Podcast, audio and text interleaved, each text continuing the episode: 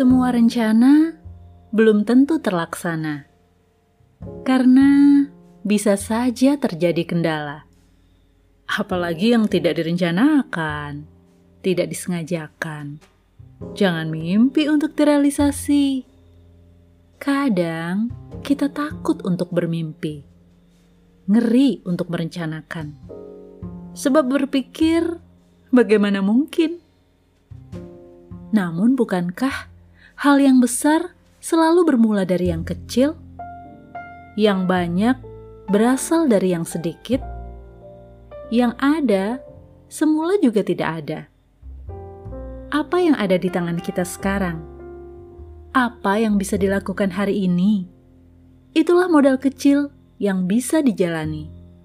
Tentang hasil akhirnya, kita berserah pada Tuhan, sebab Ia tahu yang terbaik bagi kita.